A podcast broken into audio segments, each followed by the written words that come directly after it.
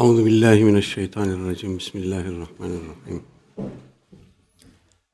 Elhamdülillahi rabbil alamin.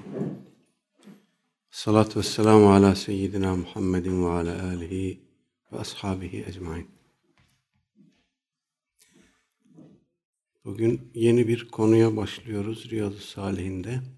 Fî men senne sünneten haseneten ev seyyiyeten diye bir başlığımız var kötü, iyi çığır açan veya kötü çığır açan kimse hakkında ya da bu fiiller hakkında.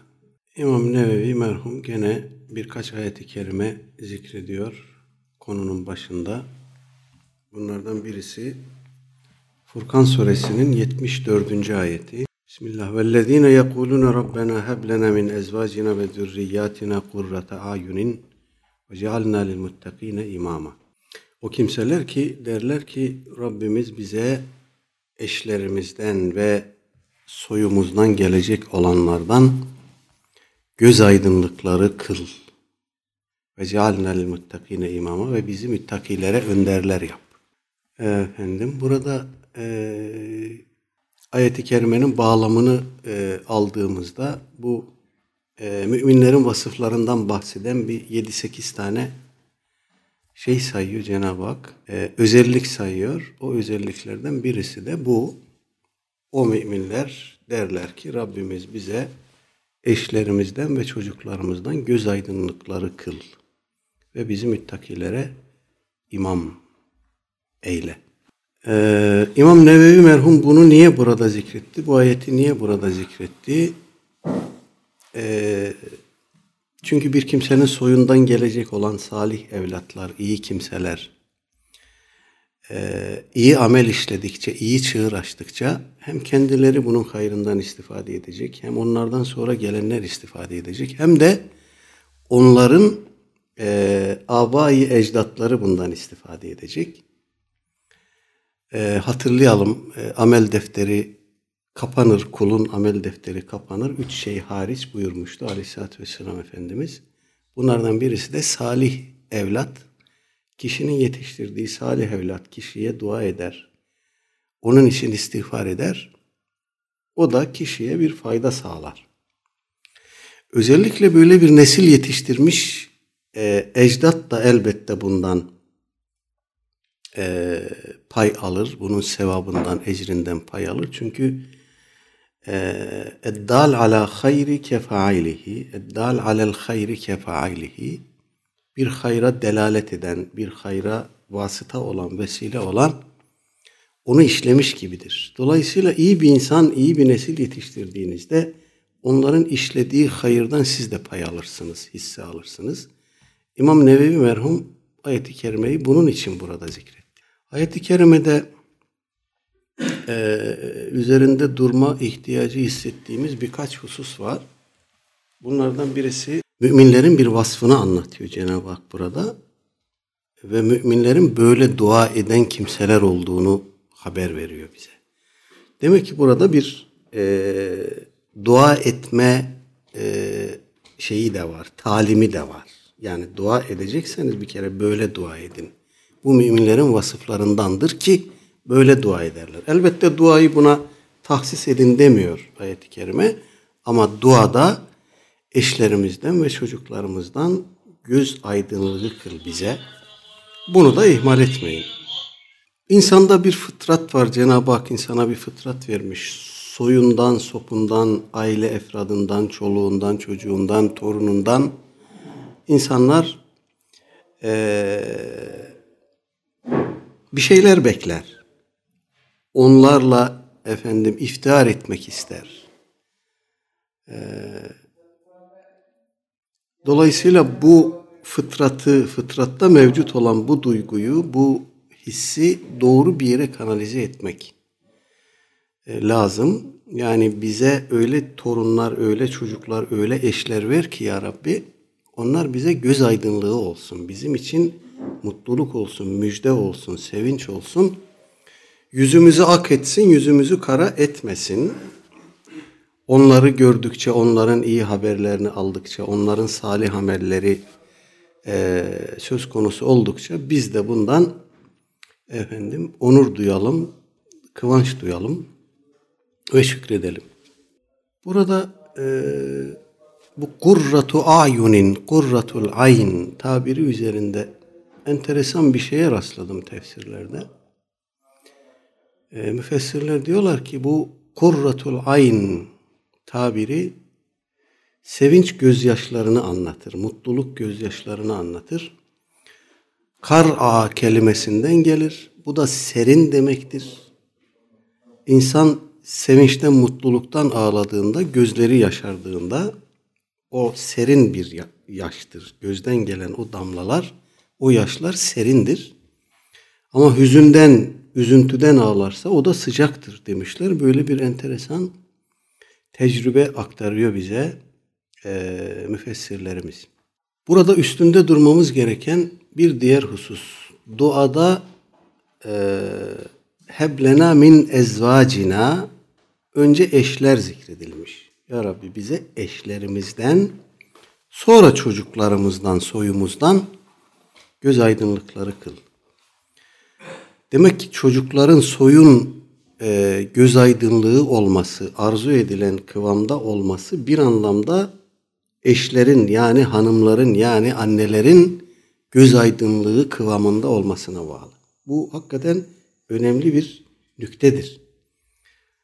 Ee, Kur'an-ı Kerim'de hiçbir şey rastgele yer almaz. Hiçbir kelime, hiçbir harf, hiçbir cümle rastgele, anlamsız yer almaz. Burada da Cenab-ı Hak önce eşleri zikretmiş ki eşlerin salih evlat, kurratul ayn nesillerin yetişmesinde demek ki bir kilit rolü var. Onlar böyle olursa nesiller de böyle olur demektir bu. Buradan tabi Müslüman e, nesillerin yetişmesi için yapılan evliliklerin, eş seçimlerinin de önemi çıkıyor ortaya. Efendim, ailenin önemi çıkıyor ortaya ve annenin, kadının ailedeki rolü çıkıyor ortaya. Bunun üzerinde uzun uzun durmak mümkündür ama biz şimdilik bu kadarla bu kadarla yetinmiş olalım. Buradan da günümüze bir gönderme yapalım. Efendim, ee, bizi yönetenlere bir gönderme yapalım. Allah rızası için aileyi tahkim edin. Aileyi zayıflatacak politikalardan vazgeçin. Kadınları güçlendirin tamam ama bunu sokağa çıkararak yapmayın. Aileyi zayıflatacak biçimde yapmayın. Kadını ekonomik olarak güçlendirmek istiyorsanız hep söylüyoruz buna. Bir taraftan diyorsunuz ki en az üç çocuk, bir taraftan kadınlar çalışsın ekonomik olarak bağımsızlıklarını elde etsin diyorsunuz. Tamam kadınlara annelik maaşı bağlayın. Üç veya daha fazla çocuk doğuran annelere annelik maaşı bağlayın. Çocuk doğurmak ve onu terbiye etmek, büyütmek, beslemek, geleceğe hazırlamak bir anne için, bir e, toplum için en kritik vazifedir. Dolayısıyla bu kritik vazifeyi ifa eden anneler de maaşın en yükseğini hak eder. Bir fabrikada, bir devlet dairesinde çalışmaktan daha mı az önemlidir evde çocuk yetiştirmek, bu ümmetin, bu milletin geleceğini yetiştirmek daha mı az önemlidir? Şüphesiz daha çok önemlidir. Dolayısıyla anneler annelik yaptıkları zaman daha çoğunu hak ederler. Bu politikalardan vazgeçin kadını ekonomik olarak özgürleştirme söyleminin kendisinde bir kere bir sorun var. Yani bunu yaptığınız zaman bu e, tabire vurgu yaptığınız zaman bu kadar abartılı biçimde hiçbir kadın çocuk doğurmak istemez. Hiçbir kadın evde oturup çocuk bakmak istemez. Efendim dışarı çıkmak ister. Çünkü yarışacak eşiyle, arkadaşıyla, akrabasıyla, birileriyle sürekli yarışacak. Onlardan geri kalmama güdüsüyle efendim evini, çoluk çocuğunu ihmal edip gidecek. Yazıktır, günahtır. Bir noktaya daha devam e, vurgulayıp devam edelim. Bir noktayı daha vurgulayalım.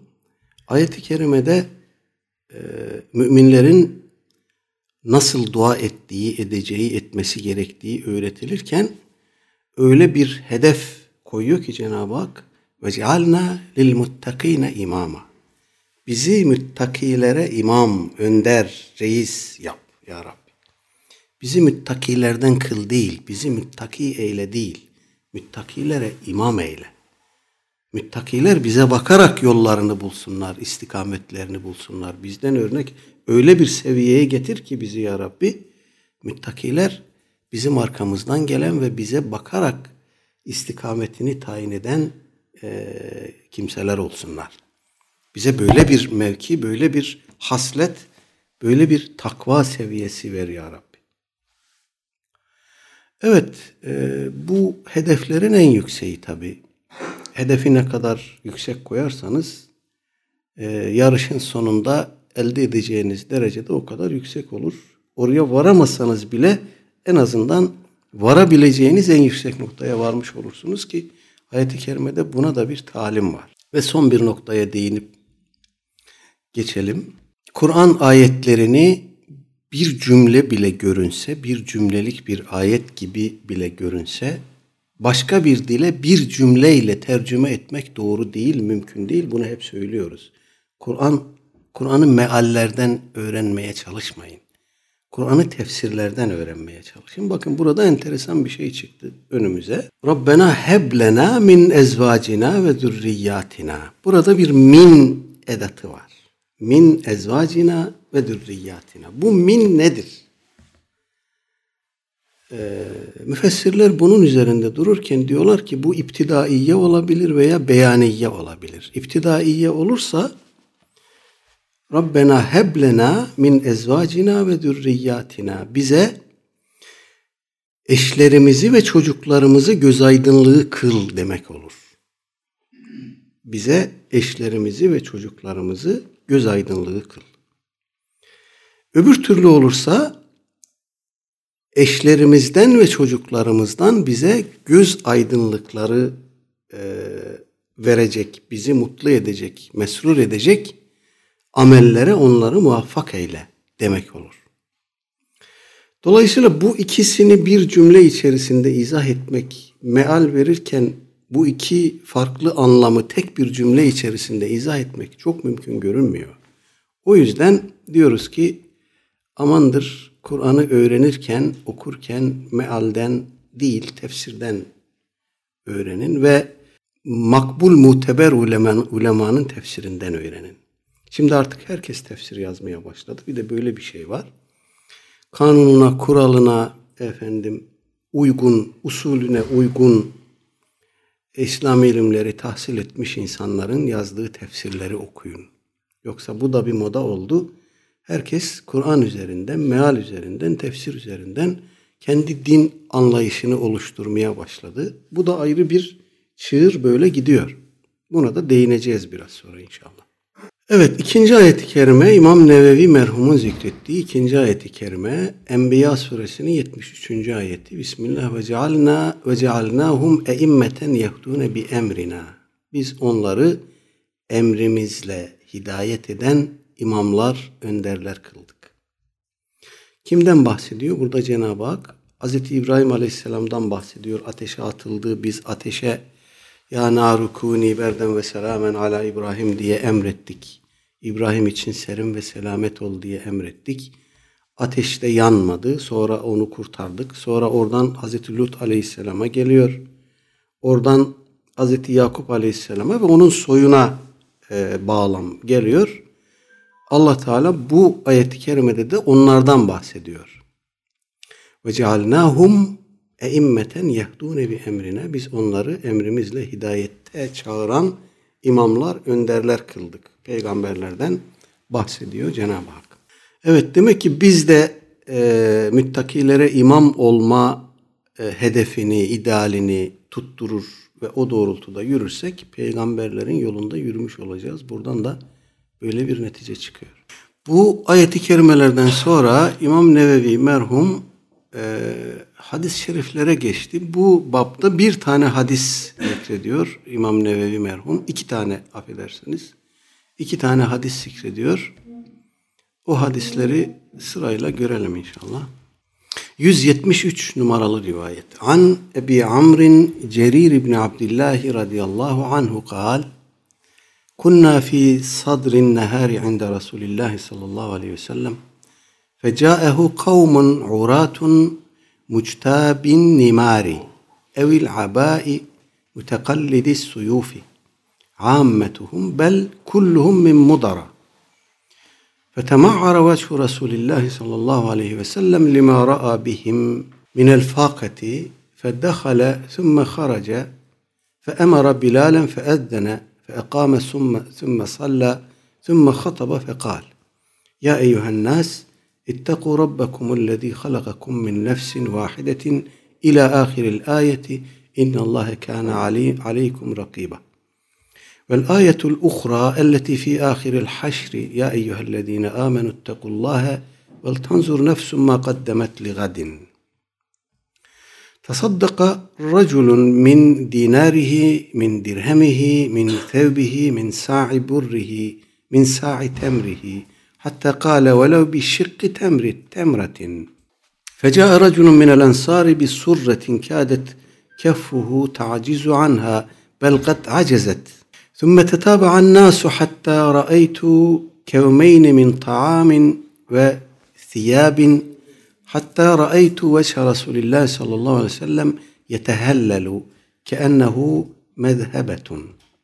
فقال رسول الله صلى الله عليه وسلم من سن في الإسلام سنة حسنة فله أجرها وأجر من عمل بها بعده من غير أن ينقص من أجورهم شيء. ومن سن في الإسلام سنة سيئة كان عليه وزرها ووزر من عمل بها من بعده min gayri en yunkasa min evzarihim şeyun ravahu muslim. Evet uzunca bir rivayet İmam Müslim rahimehullah nakletmiş. Ebu Amr e, Cerir İbni Abdillah el-Beceli sahabeden radıyallahu anh hadisimizin ravisi. Ee, Cerir bin Abdillah radıyallahu anh Medine döneminin sonlarına doğru hicretin 10. senesinde Müslüman olduğu söyleniyor. Medine'ye geliyor, Müslüman oluyor. Efendimiz Aleyhisselatü Vesselam'a beyat ediyor. Efendim, Efendimizin vefatından sonra Küfe'ye gidiyor. Orada e, Hazreti Ali Efendimizin e, Hazreti Osman radıyallahu anh'ın şehadetinden sonra başlayan o karmaşa sürecinde ben Osman'a kötü söz söylenen yerde durmam diyor ve oradan Kirkisya veya Karkisya denen Fırat kenarındaki bir şehre e, hicret ediyor. Orada ikamet ediyor ve orada vefat ediyor.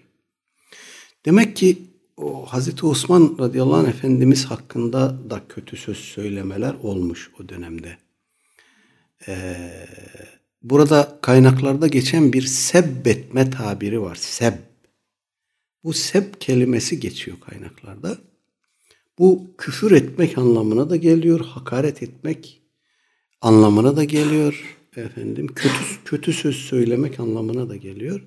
Allahu alem e, Hz. Osman Efendimizin şehadetinden sonra başlayan Hz. Ali ile Hz. Muaviye arasında başlayan o e, çekişme, o gerginlik, çatışma ortamında kaynaklarda gördüğümüz bir şey var.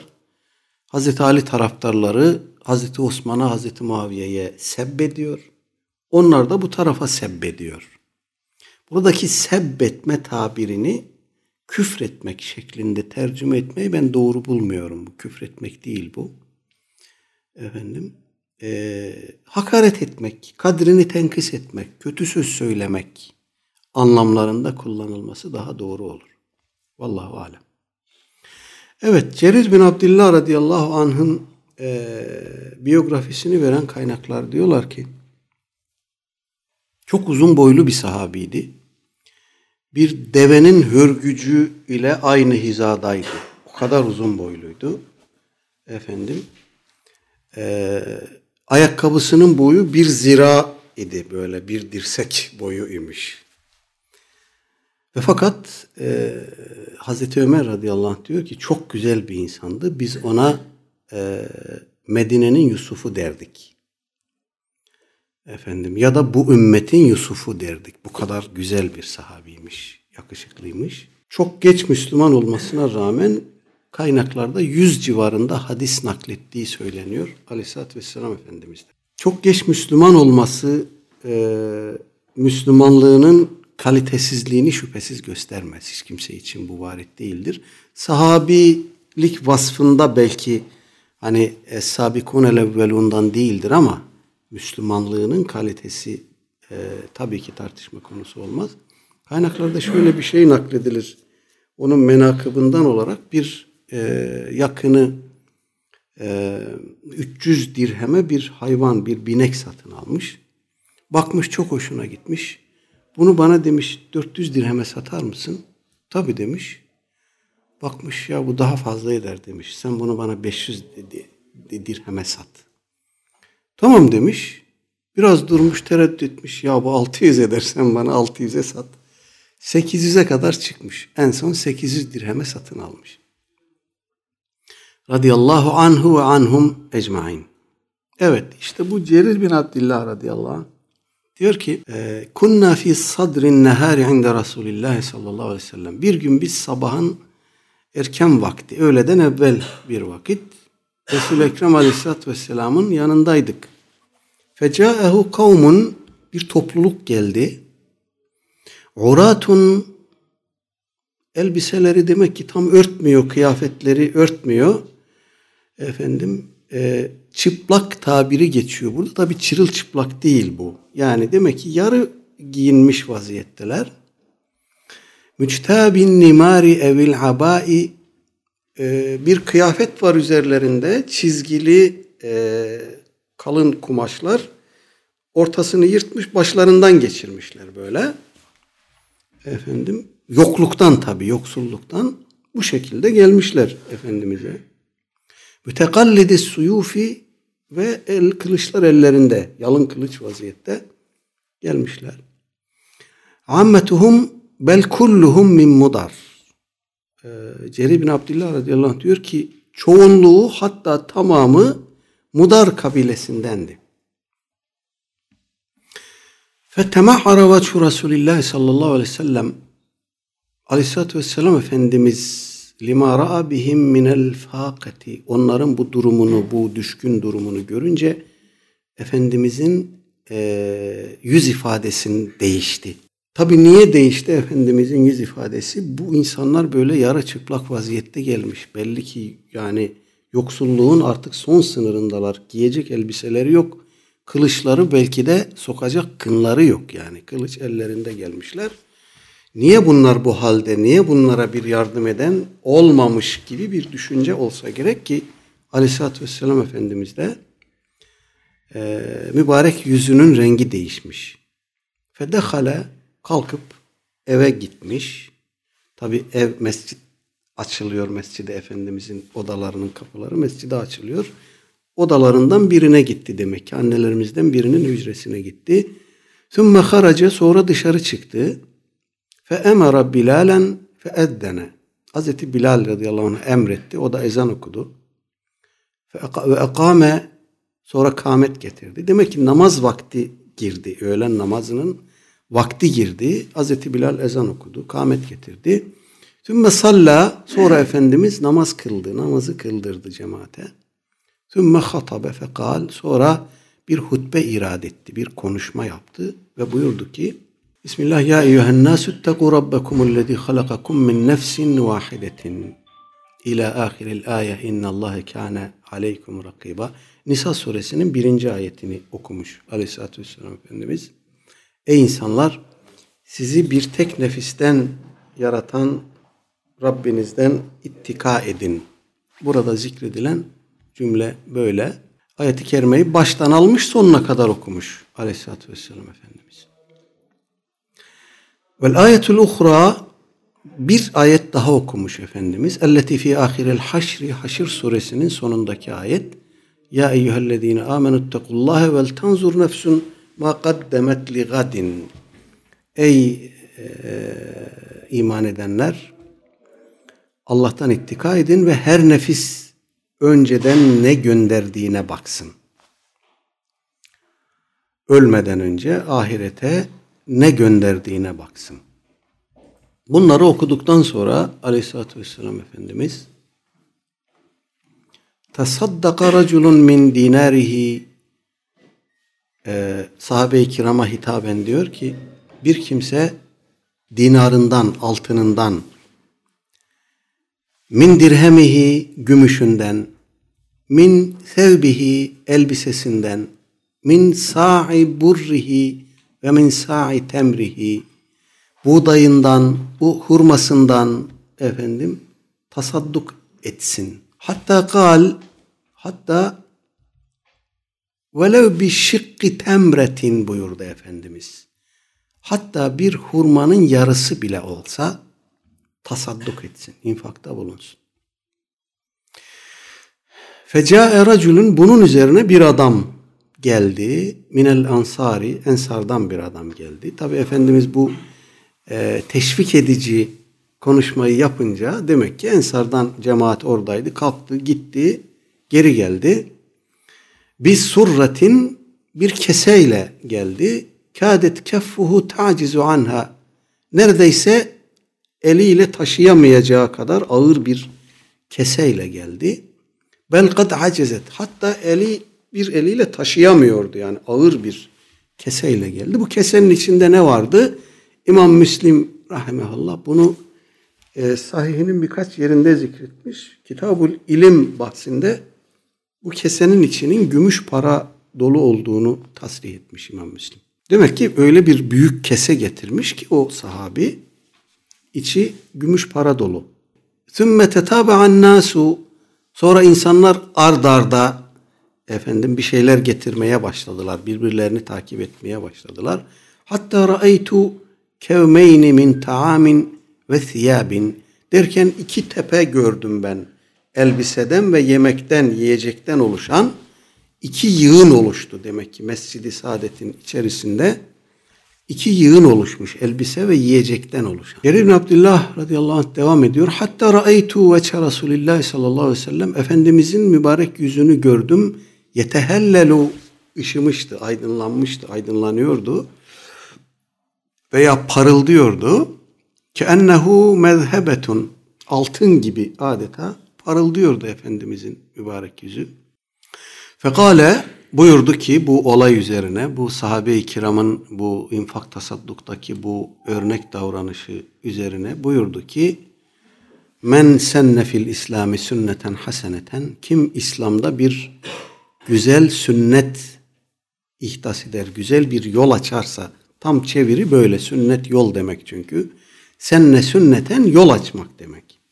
Kim İslam'da güzel bir yol açarsa felehu ecruha onun ecri ona verilir ve ecru men amile biha ba'dehu min gayri en yankusa min ucurihim veya yunkasa diye de okunur bu. O kişiye onun ecri verilir. Sonra onun ardından onunla amel eden kimselerin ecrinden de ona verilir, yazılır. Min gayri en yunkasa min ucurihim. Onların ecirlerinden, sevaplarından şeyun hiçbir şey eksiltilmeksizin ona e, o güzel çığırla amel edenlerin sevaplarından birer hisse ayrılır. Ve men senne fil İslami sünneten seyyiyeten kim de İslam'da kötü bir yol açar, kötü bir çığır açarsa kâne aleyhi vizruha onun vebali onun boynunadır. Ve vizru men amile biha ve onun o kötü çığırla amel eden kimsenin günahı da onun boynunadır. Min ba'dihi ondan sonra min gayri en yankusa ev yunkasa min ucurihim şeyun min evzarihim şeyun onların günahlarından veballerinden bir şey eksilmez ama o yolu açan adama da o günahtan onları işledikçe habire yazılır. Evet Aleyhisselatü Vesselam Efendimiz burada e, o ağır keseyi, gümüş dolu keseyi getiren e, sahabiyi kastederek o özel durum üzerine bu hadis-i şerifi söylemiş ama tabi sebep hususi hüküm umumi hükmün umumi olmasına mani değil bu. O, o, o özel olayı vesile edinerek Efendimiz Aleyhisselatü Vesselam e, öyle bir söz söyler ki o söz sadece bir hüküm olmaz. Aynı zamanda bir kaide olur. Hatta bir değer olur. haberi vahittir diye siz hadisleri ümmetin hayatından silip çıkarıyorsunuz ama nasıl bir cinayet işliyorsunuz? Bu da aynı bu hadiste geçen o vizr kapsamındadır. Öyle hadisler var ki arkadaşlar e, yani dediğim gibi sadece cüz'i bir hüküm ifade etmiyor. Aynı zamanda bir değer ifade ediyor. İşte bu onlardan birisi. Haberi vahid. Evet.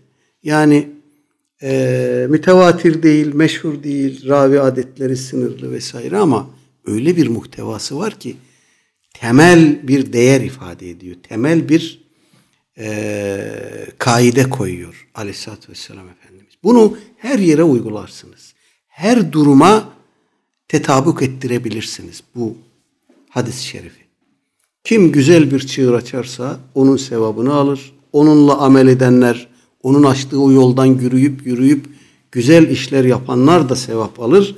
Ve onlar o sevabı yürüdükçe, aldıkça o kişiye de ilk sebebe de bundan sevap yüklenmeye devam eder. Aynı şey kötülük için, sünnet-i seyyiye için de bahis konusudur.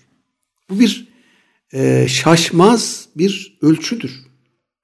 Siz bunu haberi vahittir diye ümmetin hayatından kaldırıp atarsanız ümmet istikametsiz kalır. Parolası şaşar.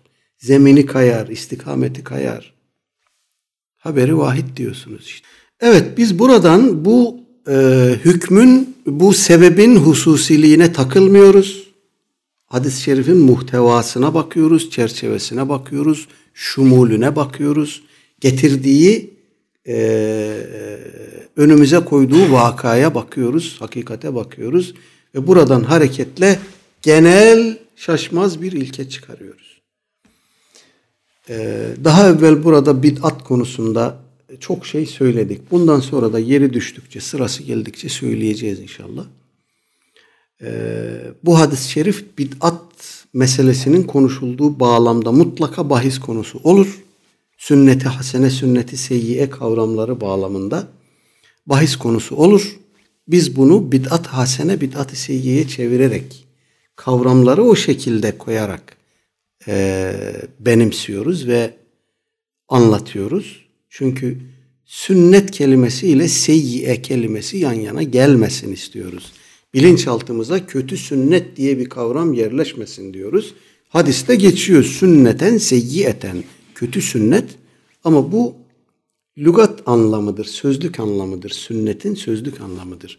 Oradan sünnetin ıstılah anlamına kötü kelimesini çağrıştıran bir şey yerleşmesin zihnimize diye sünnet-i hasene, sünnet-i seyyiye değil, bid'at-ı hasene, bid'at-ı seyyiye kavramlarını kullanıyoruz.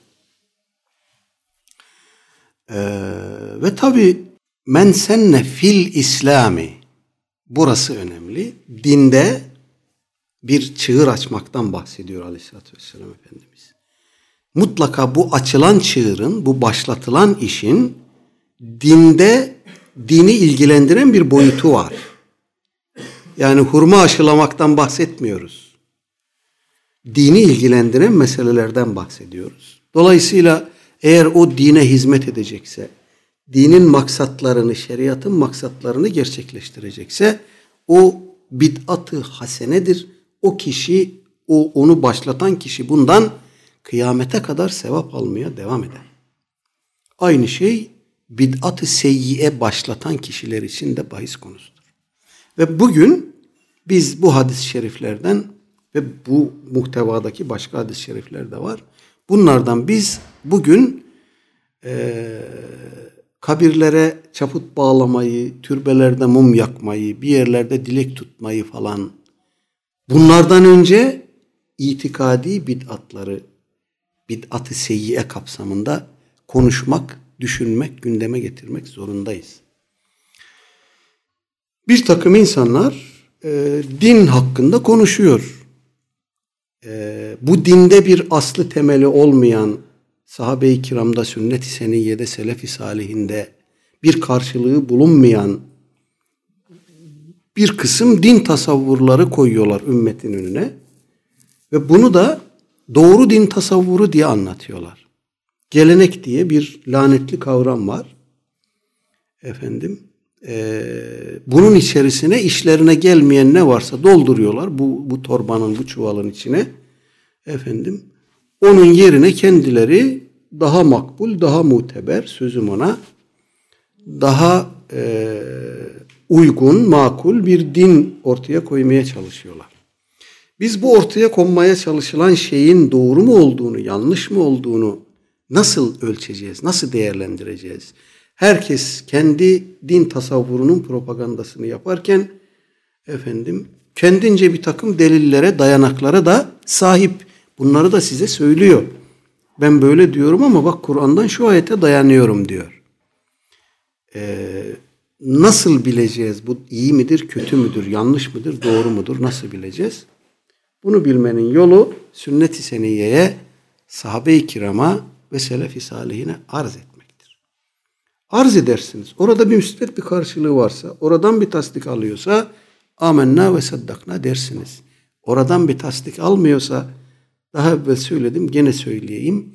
Ne kadar ayet okurlarsa okunlar, okusunlar o ayetleri yanlış anlamlandırdıkları için ayetler arası ilişkiyi hevalarına uygun biçimde kurdukları için o söyledikleri şey Kur'an'a uygun değil aslında. Ayetleri öyle bir tefsir ediyorlar ki, öyle bir meallendiriyorlar ki kendi hevalarına uygun e, formlara, formatlara getiriyorlar. İnsanlar da zannediyor ki bu adamların söylediği bu şey Kur'an'ın gereği, Kur'an'ın e, icabı. Ama böyle değil tabi. Evet, özellikle günümüzde bu ahir zamanda bu itikadi bid'atlara dikkat etmek lazım. Kur'an adına olsun, sünnet adına olsun.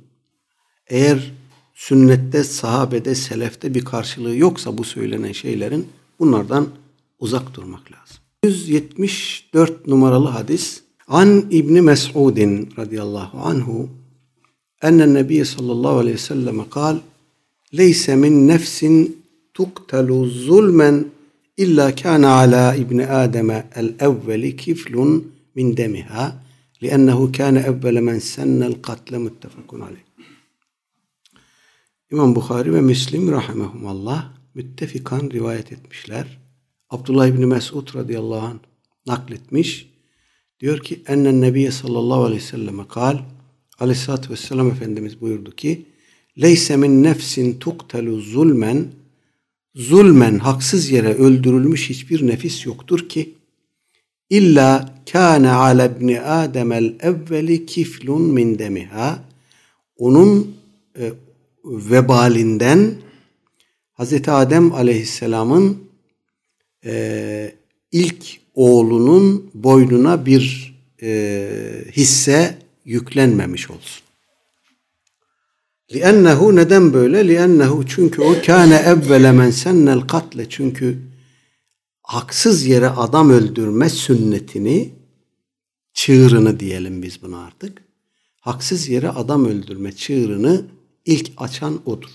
Evet demek ki Adem Aleyhisselam'ın oğlu Habil ile Kabil arasındaki mücadeleye atıf yapıyor Aleyhisselatü Vesselam Efendimiz. Hazreti Havva annemiz her batında bir erkek bir kız çocuk doğuruyordu ve evvel doğan erkekle sonra doğan kız, evvel doğan kızla sonra doğan erkek evlenmek suretiyle belli bir sayıda nüfus çoğalana kadar efendim bu çapraz kardeş evliliği e, Hazreti Adem Aleyhisselam şeriatında mubah idi. Daha sonra nüfus artınca Allah Teala bunu haram kıldı. Ee, günümüzde bu mesele biliyorsunuz epeyce bir istismar ediliyor. Hatta benim küçük delikanlı orta sona gidiyor. Bir özel okula gidiyor. Özel okul tanıdığımız bildiğimiz çevreden yani. Bize yabancı insanlar değil okulu kuranlar, işletenler, öğretim üyesi kadrosu, hocalar filan. Dün bana bir şey sordu. Dedi ki baba bizim din dersi öğretmenimiz aynı zamanda Kur'an öğretmeniymiş. Bize bir şey anlattı kafama takıldı. Bir sorayım dedim sana. Ee, ne dedi dedim hayır olsun. Dedi ki e, siz zannediyor musunuz ki Hazreti Adem, Hazreti Havva diye anlatıyorlar da bunlar sadece iki kişiymiş. Hayır öyle değil. Bir anda birçok yerde birçok Havva, birçok Adem varmış. İnsanoğlu böyle üremiş, türemiş. Niye böyle diyorlar? Bunun delili var mıdır? Bunun bir delili yok. Bu akılla bilinebilecek bir şey değil. Bilimsel araştırmayla, fosil araştırmasıyla falan bilinecek bir şey değil. Bunu ancak nakil yoluyla bilebilirsiniz. Peki bu konuda bir nakil var mı? Allah Teala bir anda birçok Adem ve birçok Havva yarattı diye bir nakil var mı? Bir ayet, bir hadis var mı? Yok. Tam tersine işte az önce okuduk ayeti kerimeyi. Ya eyyühen nasüttegû rabbekumullezî halakakum min nefsin vahidetin ve halaka minha zevceha. Daha pek çok ayeti kerime var. Sizi bir tek nefisten yarattı. Ondan da eşini yarattı. Birçok ayeti kerime var böyle. Peki niye böyle diyorlar bu ayetler, bu hadisler ortadayken? Niye bu insanlar e, birden fazla Adem, birden fazla Havva, bir anda Allah bunları yarattı diyorlar? E çünkü diyorlar Hazreti Adem'in çocuklarının birbiriyle evlendiğini söylersek bu ensest ilişki olur. Böyle bir şeyi kabul edemeyiz. Ensest ilişki kötü bir şey. Kardeşler evleniyor neticede yani bu böyle bir şey olmaz. E bu sakıncayı ortadan kaldırmak için bir formül lazım. Nedir o? İşte bir anda Allah birden fazla Adem, birden fazla Havva yarattı demiş oluyorsunuz. Ee, daha önce de burada bunu bahis konusu etmiştik arkadaşlar. Bu kelam ilminde hüsün kubuh meselesi başlığı altında tartışılır bu, bu gibi hususlar. Yani iyi olan şey nedir, kötü olan şey nedir? Bir şeyi iyi yapan nedir, kötü yapan nedir? Ee, güzel yapan nedir, çirkin yapan nedir? Akıl mıdır? Efendim, ilahi irade midir? Hiç şüphesiz ilahi iradedir. Allah Teala bir şeye kötü derse o kötüdür. iyi derse iyidir. Biz eşya hakkındaki bu tasavvurumuzu Allah Teala'nın bildirmesiyle onun hükmünü esas alarak oluşturuyoruz. Domuz eti yemek haramdır, kötüdür. Neden? Yani neden kötüdür domuz eti? İnsanlar dünya nüfusunun belki de kahir ekseriyeti domuz eti yiyor. Ve bunlara bir şey olmuyor. Hani bazen sayarlar domuz etinde şöyle işte e, hastalıklar var, bilmem ne var filan diye. Ama yiyor insanlar hasta olmuyor.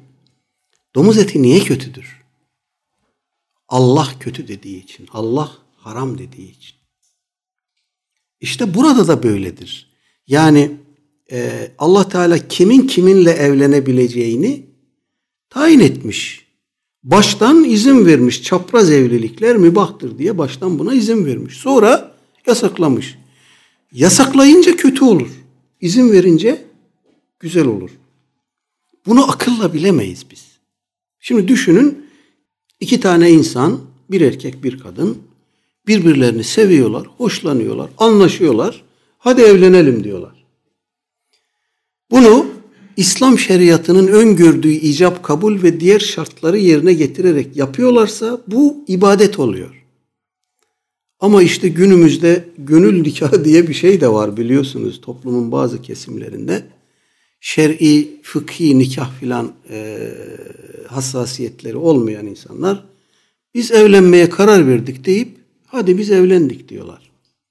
Şimdi birinci evlilik aynı kişi, aynı insanlar, aynı duygular, aynı fiil.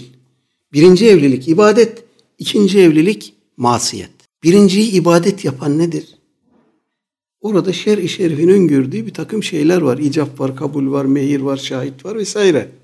Bunlar olunca tamam güzel. Diyelim ki e, bunlar şahitler huzurunda evlendiler. Diyelim ki erkek kadına işte bir daire de aldı mehir karşılığı olarak. Ama eğer şer'i icap ve kabul yoksa bu nikah gene olmadı. Hatta ne bileyim aralarında bir süt kardeşliği olur diyelim ki. Süt ısımlığı olur. Evlenemezler. Haramdır. Bu zinadır. Süt hısımlığı. Ne alakası var? Yani kan bağını hadi bir yere kadar anlayabiliyoruz. Süt bağı nasıl bir şey? Süt akrabalar birbiriyle evlenemiyor. Bu kötü. Bunun akli bir izahı yok. Dolayısıyla e, Hazreti Adem, Hazreti Havva meselesini konuşurken bu ensestir filan diyerek günümüzde mevcut verili durumu esas alıp o günkü durumu Hazreti Adem şeriatını konuşmak doğru değil. Hazreti Adem şeriatının kendine göre şartları vardı. O zamanın haramları vardı, mübahları vardı. Bugününki başka. Hatta İsrail oğullarında bile böyle değildi biliyorsunuz. Onlara da bir kısım şeyler haram kılındı. Hayvanların iç yağları haram kılındı mesela değil mi? Hayvanın iç yağı kötü mü? Hayır değil bize helal biz yiyoruz. Ama onlar için kötü. Onlar için kubuh bu. Çünkü Allah öyle istedi. Dolayısıyla bu meseleyi böyle görmek, böyle değerlendirmek lazım. Allah Teala'nın iradesini, onun muradını e, ıskalarsanız işte böyle acayip garayip şeylere düşersiniz Allah korusun. Burada da e, bu hadis-i şerif vesilesiyle bunu ifade etmiş olduk. E, burada şöyle bir soru gelebilir akla. Ve la teziru vaziretun vizre uhra. Hiçbir kişi başka birinin günahını yüklenmez. Herkes kendi günahını yüklenir. Her koyun kendi bacağından asılır. Hazreti Adem'in büyük oğlu küçük kardeşini haksız yere öldürdü diye birilerini haksız yere öldürenlerin günahı ona niye yükleniyor? Çünkü ilk defa haksız yere adam öldürme çığırını o açtı. İlk defa o açmasaydı bu çığırı veya bir başkası açsaydı ona yüklenecekti. İlk defa bu çığırı kim açtıysa bu kötü çığırı ona yüklenecekti bu. O açtı ona yüklendi. Buradan bir şey daha anlıyoruz. Güzel çığırı ilk defa kim açarsa ona da onun sevabı yüklenecek. Buradan peygamberlerin ecrini, derecesini düşünün. Hz. Adem Aleyhisselam'dan itibaren peygamberlerin açtıkları çığırlar, insanlığa gösterdikleri yollar, rehberlikler efendim ve onların derecesinin yüksekliğini düşünün.